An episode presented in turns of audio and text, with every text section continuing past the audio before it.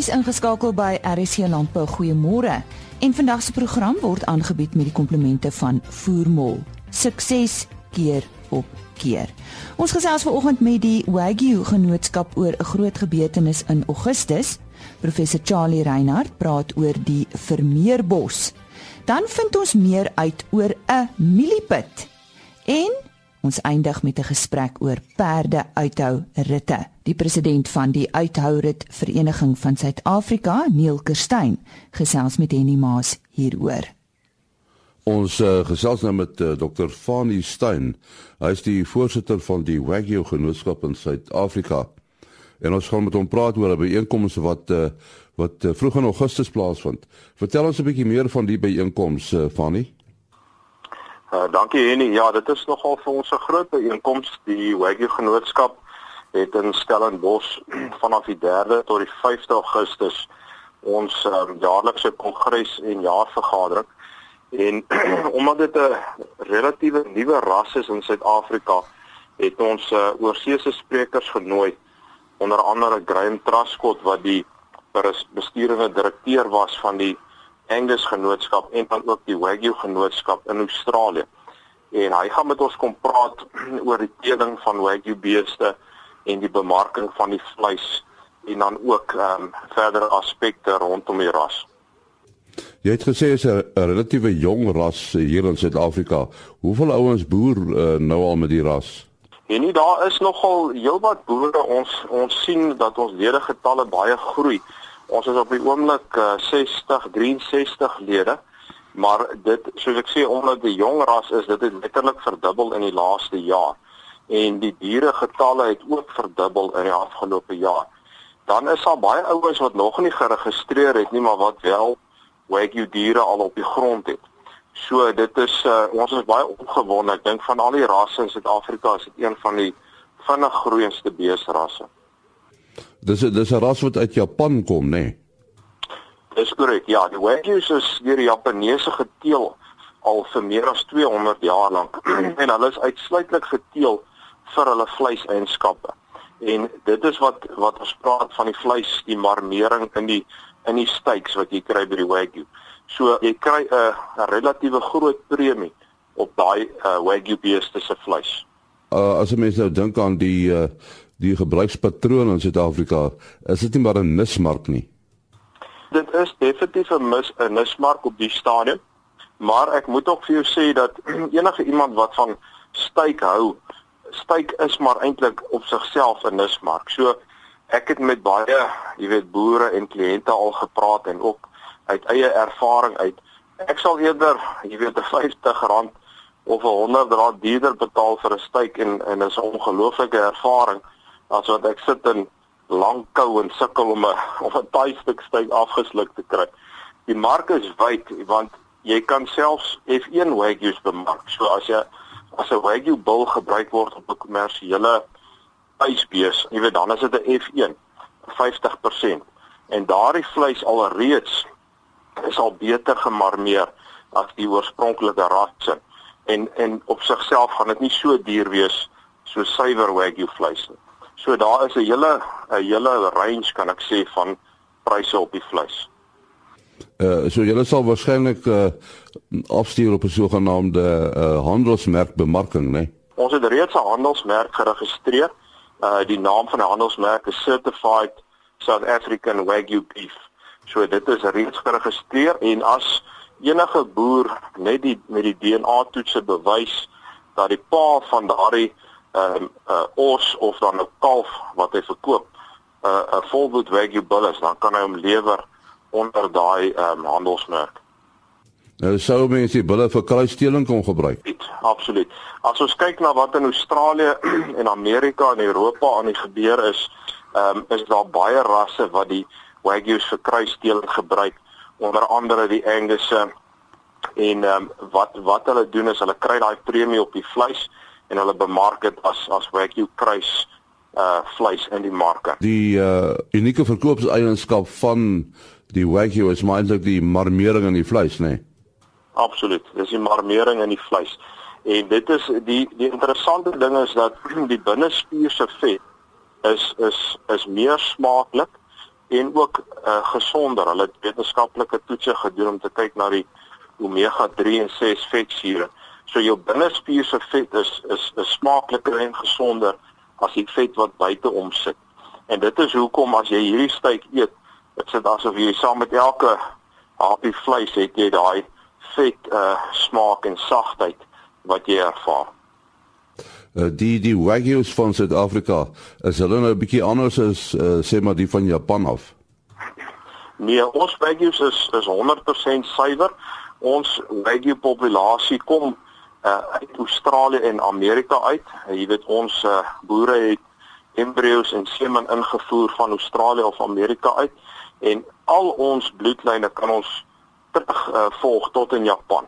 Soos ek sê met DNA bevestiging kan ons seker maak dat die dier wat op die grond staan is 100% verwant aan sy pa en ma in Australië en van daar af kan hulle maar die pad terug uh, trek tot in tot in Japan. En net weer vinnig uh, die geleentheid uh, vind nou vroeg Augustus plaas. Waar en waar kan mense besonderhede kry? Ja, so enigiemand wat belangstel, dit is vir lede en ook vir nie lede nie, so belangstellendes, hulle kan op die SA Wagyu uh, website kan hulle kan hulle die details kry. Hulle kan ons kantoor skakel. So dis uh, www.sawagyu.co.za. Uh, hulle kan daar die ehm um, die die die vorm skryf vir vir die geleentheid. Ons sê baie dankie aan Dr. Fanny Stein, hy is die voorsitter van die Wagyu Genootskap in Suid-Afrika. Plante het 'n unieke manier om hulle self te beskerm, aangesien hulle nie soos meeste ander organismes die vermoë het om weg van bedreigings te beweeg nie. Ongelukkig bied giftige plante weer vir veeboere heelwat uitdagings. Professor Charlie Reinhardt, 'n buitengebore professor in onkruidwetenskap aan beide die Universiteit van Pretoria en Stellenbosch, vertel ons meer van vermeerbos en hoe 'n veeboer daarmee te werk moet gaan. Goeiemôre Lize, goeiemôre luisteraars. Ja, ek gesels graag met julle oor hierdie interessante maar tog ook gevaarlike plant. Vermeerbos net gou verduidelik dat die naam is 'n verbuiging van woelmeerbos. En is ook bekend as die misbek siektebos. Ons sal nou net verduidelik hoe dit gebeur. En dan net ehm uh, vinnige vrae te antwoord oor hoe beskerm plante hulle self. Ons moet in ag neem dat plante is lewende organismes wat nie kan vlug as hulle bedreig word deur vyande nie of ongunstige toestande nie. Hulle is vasgeanker met hulle wortels. Met ander woorde, dit maak sin dat plante beskermingsmeganismes so sou ontwikkel. Natuurlik dit so beskik. Uh meganies beskik hulle byvoorbeeld oor dorangs wat uh herbivore kan afskrik natuurlik. En dan het hulle ook 'n chemiese arsenaal. Chemiese verbindings wat deur die plant geproduseer word en in die plant gehou word en selfs in die omgewing vrygestel word om uh die plant uh, teen 'n wye reeks van vyande te beskerm wat wissel van mikroorganismes tot diere wat daarin sou vreet. Goed, nou hoe beskerm die plant vermeerbos homself? Vermeerbos is nommer 1 goed aangepas by die toestande waar waar dit voorkom. Nou ons het sewe vermeerbos spesies in Suid-Afrika. Die genusnaam is Gageria. So daar sewe soorte Gagerias, maar daar is 3 wat met diere toksisiteit uh, verbind word en hulle is Gageria ornativa wat meer in die droë dele van Suid-Afrika voorkom, Griekeland Wes, omgewing is hulle baie volop. En dan kry jy Gageria aspera wat op die hoofveld voorkom, 10 keer meer toksies as ornativa vir vee. Uh, maar omdat dit minder volop voorkom, is dit minder van 'n probleem. En dan is daar ook Gageria burkie wat uh, meer in die noorde van die land voorkom soos byvoorbeeld uh, Limpopo provinsie. En uh, hoe hulle hulle self beskerm soos ek sê goed aangepas by die plaaslike omgewing. Onthou hierdie is inheemse plante waarvan ons hier praat. En uh, hulle het hierdie toksiese eienskappe. Watter invloed het dit op onderskeidelik skaap en beesboere? Nigeria veroorsaak vermeer siekte En dit is werklik 'n groot probleem uh, veral by skape. Uh, boerbokke is ook gevoelig daarvoor en beeste skynbaar tot 'n mindere mate, maar dit is waarskynlik maar net omdat beeste groter is en uh, meer sal moet inneem om geaffekteer te word. Nou om 'n idee te gee van die omvang van die probleem moet ons teruggaan na 1929 1930 en daardie periode is daar aangeteken dat tot 500 000 half miljoen skape gevrek het in die Griekeland Wes omgewing alleen. En dan weer in 1954 was daar grootskaalse vrektes weens hierdie plant tot 50000 in weer eens die meer droër dele van die land, weer eens die uh, Noord-Kaap omgewing. Maar Jolly, waarom eet diere plante wat giftig is? Is hulle nie veronderstel om dit te kan onderskei nie? Ja. Uh, dit is dis 'n interessante een. Ek het genoem dat Gigeria is inheems. Ja, maar jy weet hoe ver gaan dit terug? Miljoene jare selfs gaan dit terug hoe dit in ons omgewing ontwikkel het saam met die diere wat ook inheems is. Nou, ons weet nie van gevalle van vergiftiging onder wild nie. Soos byvoorbeeld springbokke wat nou ook natuurlik volop in haar omgewing sou voorkom. Nou of hulle immuun teen die gif, dis heel moontlik want hulle het saam oor geier duisende jare net hierdie plant ontwikkel en hulle sou dus kan wag word dat hulle natuurlike aanpassings het om om verdraagsaam te wees teenoor die gif. Maar kyk ons nou na skape en bokke en beeste, hulle het nie daardie aanpassing gehad nie. En uh, gevolglik was dit ware erkenning in hierdie plant nie. En uh, hulle is waarskynlik nie bewus van die giftigheid daarvan nie. En terloops hierdie plant uh, word nogal deur skape uitgesoek. Hulle sê hierdie plant is uh, redelik smaaklik en redelik voedsaam. Nie besonder nie, maar redelik. En uh, daar's aangeteken dat skape dit uitsoek en vreet. Watter simptome toon vee wat te veel hiervan ingeneem het? Net gou verduidelik dat wanneer ons praat oor toksisiteit, toksiese verbindings, dan moet ons onthou die gif is in die dosis. So byvoorbeeld te veel suiker, te veel sout, te veel kafeïn kan ook toksies wees. En dieselfde beginsel geld hierso. Uh as die uh, diere 'n kritiese hoeveelheid sou inneem, uh dan gaan hulle dit daarop reageer en die effek uh van Gigeria spesifiek die laktone, die chemiese verbindings betrokke word laktone genoem en hulle veroorsaak daar blyklik 'n verlamming van die spiere van die sluk. Die ander van die rumen word dan as dit ware opgebring en van daar natuurlik dan ook die naam misbek siektebos want mens kan sien dat die bek en die neusgate van die plant en van die diere wat aangepas is is groen verkleur. Dan uh, verlies van kondisie van die diere, traagheid om te loop, om te ry, neig om te lê en dan te verlamming en in die agtersteewe.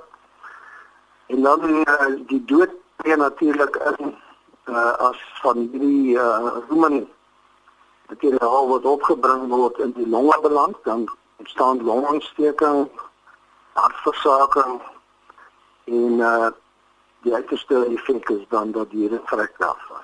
Maar nou hoor ek lae hoeveelhede is blykbaar goed, goeie voer vir skape. Bespreek bietjie die uh, korrekte hoeveelhede dan? Ja, ek het geleer dat uh, die plante 'n redelike smaaklikheid het en 'n redelike voedingswaarde.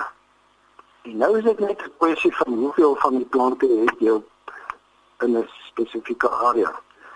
Want die dosis uh, word eenvoudig bepaal deur hoeveel daarvan deur die diere aangeneem word. Nou moet jy onthou dat daar min ander plante is wat hulle sy verkiesing te vreet. 'n meer smaaklike plante, hoe minder daarvan is en hoe meer van Gigeria daar is, hoe groter is die risiko vir vergiftigings. Dit gaan alles net oor hoeveel die diere inneem sal bepaal tot watter mate hulle geaffekteer kan word. Geheim is dus om uh, die getalle van Nigeria uh spesifiek deur goeie veldbestuur uh te beperk. Is dit dan ook hoe die inname daarvan beheer word? Dit uh is 'n manier om jou veld te bestuur en getalle van Nigeria af te hou, dan kan jy natuurlik ook uh vee verskuif. Uh, daar word gereken dat diere wat uh simptome toon van Nigeria vergiftiging as jy hulle vinnig sou wegskuif van die area waar Nigeria voorkom dan herstel hulle heel vinnig. So uh, die diere uh, kampe te verwissel. Dan moet jy kan jy kan letterlik 'n uh, kamp waar jy uh, Nigeria plante sou hê kan jy bewy met, met skape byvoorbeeld. Dit sou help om die die aanwas van die plante saadproduksie te beperk. En dan moet jy net vinnig wegneem. Uh ek sou sê 'n week as jy uh, op a, vir 'n week op so 'n veld sou hou en dan verskuif uh dan kan dit nog onmettig wees. Kom vermeerbos meer voor tydens spesifieke klimaatsomstandighede, Charlie? Ja, hierdie plant is besonder goed aangepas by uh, droogte toestande. En dit is veral wanneer hy opgemerk word. Hy het 'n baie opvallende geel blom. Dit behoort tot die aster of die madelief familie. Onlangs, paar maande gelede, en dit is nou net nou aan die einde van hierdie 3 tot 5 jaar droë periode wat ons gehad het, is daar weer uit die Noord-Kaap uh vrektes van oor die 6000 skape aangemeld. Goed, om jy af te sluit, hoe kan 'n boer hierdie bossie op sy plaas uitroei? Ja, ek het reeds genoem veldbestuur, uh om te sorg dat Nigeria getalle laag so laag as moontlik bly en die gewenste plante getalle so hoog as moontlik dit oor die einddoel te wees. Die middele tot ons beskikking. Die moeilikste een is natuurlik fisiese uithaal van die plante. Dit is makliker gesê as gedaan. En dan onkruiddoders kan natuurlik 'n goeie opsie bied maar daar is geen onkruiddoders op hierdie stadium geregistreer vir die beheer van Gigeria nie.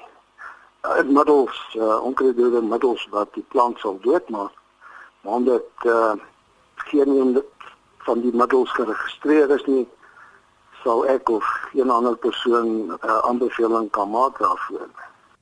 En die man wat daaroor die vermeerbos gesels het, is professor Charlie Reinhardt.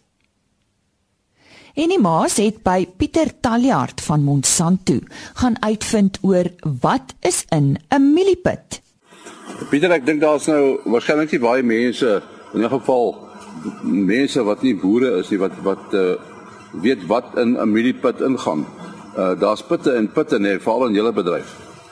Die belangrike is die die kwaliteit van die saad. As 'n boer 'n pitplant wil hy weet hy gaan opkom so die die kiemkragtigheid van 'n pit is eerstens belangrik en dan tweede is die die genetika wat in daai pit is. Watse tipe plant is dit? Hoe gaan die plant vaar in 'n spesifieke omstandigheid en dan dan verder wat vir ons as Monsanto belangrik is is wat se tegnologie sit ons by op die pit.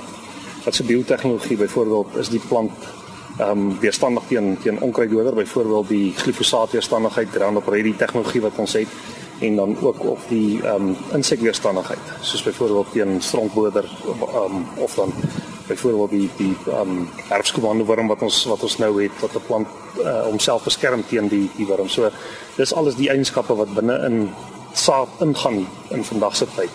En dan natuurlik ook wat sit ons verder op om die pit te beskerm wat se saadbehandeling gaan by. Dis 'n kort die vier aspekte wat wat mens wat jy wat jy kry as jy na die saad spesifiek kyk wat daarmee saamgaan is dan saam met die saad is dan ook die die diens en die advies en die ondersteuning wat jy wat jy saam met dit kry wat 'n boer kan kry in die in die raad wat hy kan kry om te help om 'n sukses te maak van sy oes wat hy plant. En, en die pitte, hulle is nie noodwendig almal die dieselfde grootte nie. Nee, en, en dit dit hang af van een seisoen na 'n ander, die omgewingsfaktore speel 'n rol. En die verskillende vorms en groottes van die pitte kom op verskillende plekke op die op die kop voor. So van een seisoen kan dit verskil na 'n ander seisoen vir dieselfde kultivar, maar ook van een kultivar na ander kultivar die genetika bepaal ook is dit groot pitte, is dit ronde pitte, so dit verskil van van een kultivar na ander een ook ehm um, die samestelling van die van die pitte wat mens kry. En, en die rol van die planter Die rol van die planter hedendaagse tegnologie, die die presisieplanter tegnologie wat ons het, het 'n groot rol te te speel in in dit en en hoe ons die saad verpak om seker te maak 'n boer kry uh, goeie sukses met sy uh uh saad wat hy wat hy plant.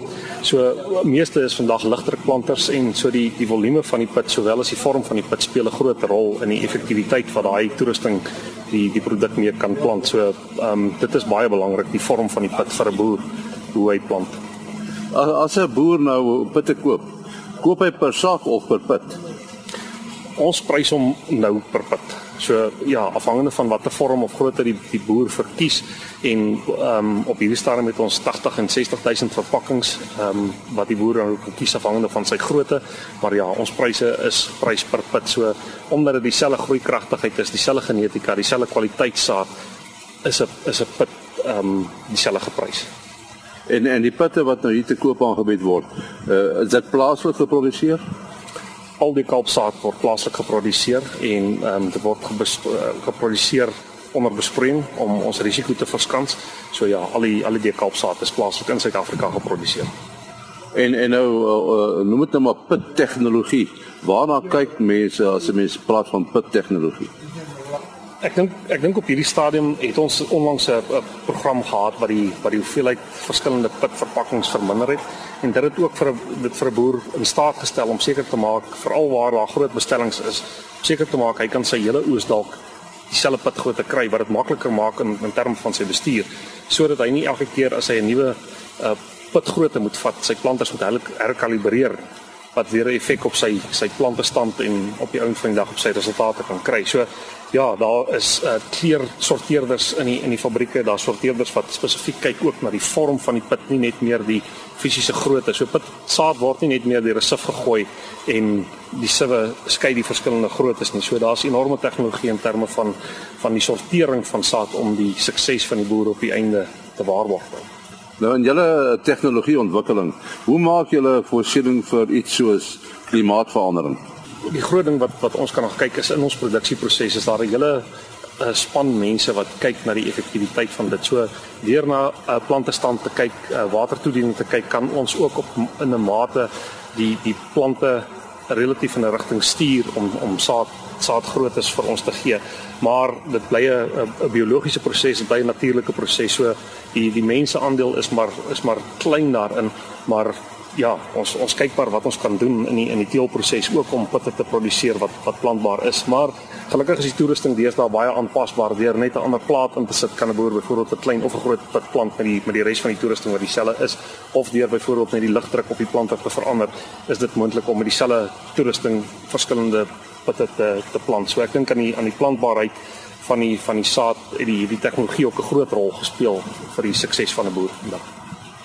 Uh as mens kyk na die afgelope droogte, hoe het dit nou noem dit maar die prysbeleid van Monsanto verander ten opsigte van pitte? Die droogte het veroorsaak dat die dat die prys van mielies baie hoog geraak het. En omdat ons plaaslik produseer, is ons produksiekoste van ons saad is maar direk gekoppel aan die aan die mielieprys van dis 'n boer in 'n besproeiingsarea wat vir ons saad vermeerder, saadkweker dis dis sy geleentheidskoste. Hy kan of saadmedies produseer of hy kan gewone medies produseer of hy kan 'n hele ander gewas produseer. So eerstens het dit 'n invloed op ons koste van ons produksie. Maar tweedens ook besef ons in die situasie waar die boere in is en net ons alles in ons vermoë probeer om die pryse so laag as moontlik te hou en ehm um, selfs waar waar ons kon dit dit uh, die die inflasie daar op die stygings van die pryse sover te onderdruk wat ons kon. Nou ja, dit was dan Pieter Taljaard van Monsanto wat met Henny Maas gesels het oor 'n mieliepit.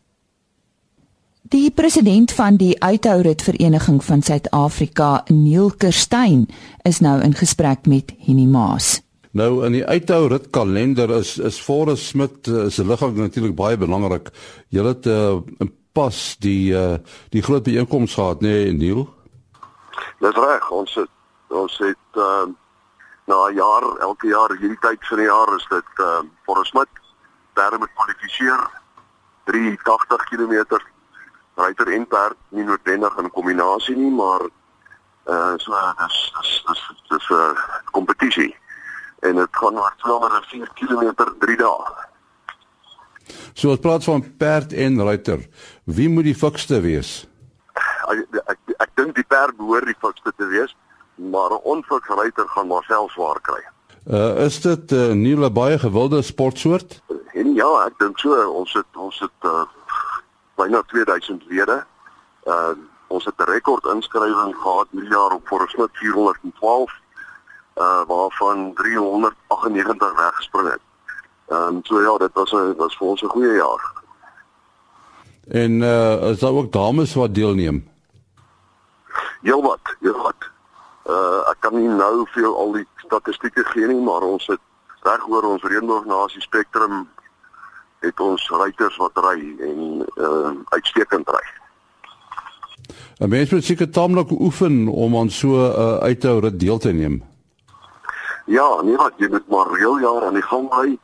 Ehm um, soos ek nou gesê het, jy moet kwalifiseer om hier te kom ry.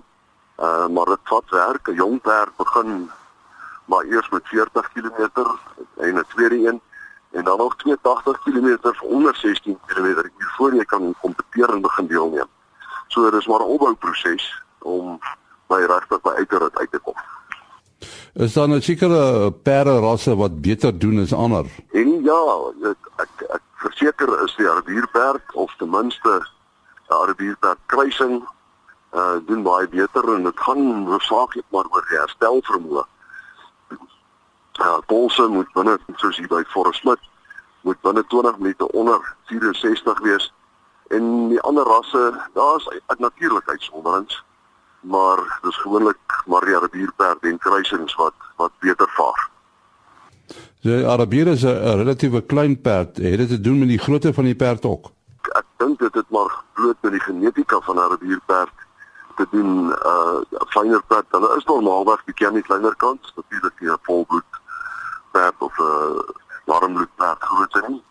Maar die ouens probeer ook ons perde dink ek in grootte het wat kompeteer het oor jare 'n klein bietjie groter geword. Ons ons probeer hier by 151 rond wees, maar die arbierpad is 'n kleiner ras as die ander ja. Hoekom uh, word Forest Smith gekies as die plek waar hierdie uithou dit plaasvind? Forest Smith het het 'n 44 jaar geskiedenis. 'n Klompie vriende, uithou dit vriende het daardie jare bymekaar gekom en en mekaar uitgedaag en hierdie rit aan die gang gekry.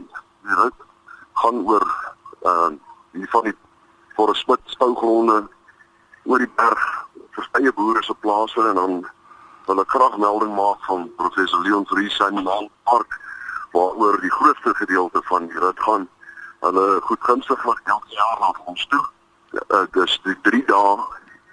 Eerste 2 dae is is 75 elk en dan die laaste dag twee bene van net oor die 25 elk om 'n totaal van 204 te maak.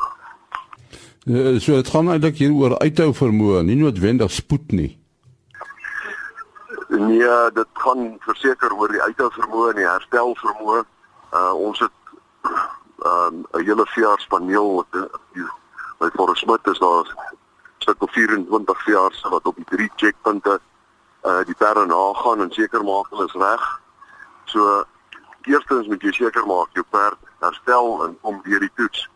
Uh krippel metabolies en hartklop. Maar natuurlik die wenners dat perd moet spoed doen dit kan dit ek kan dalk nie wen volmaak.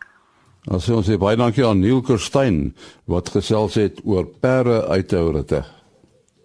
Dankie Henny en dit bring ons dan aan die einde van vandag se program wat aangebied is met die komplemente van Voormol.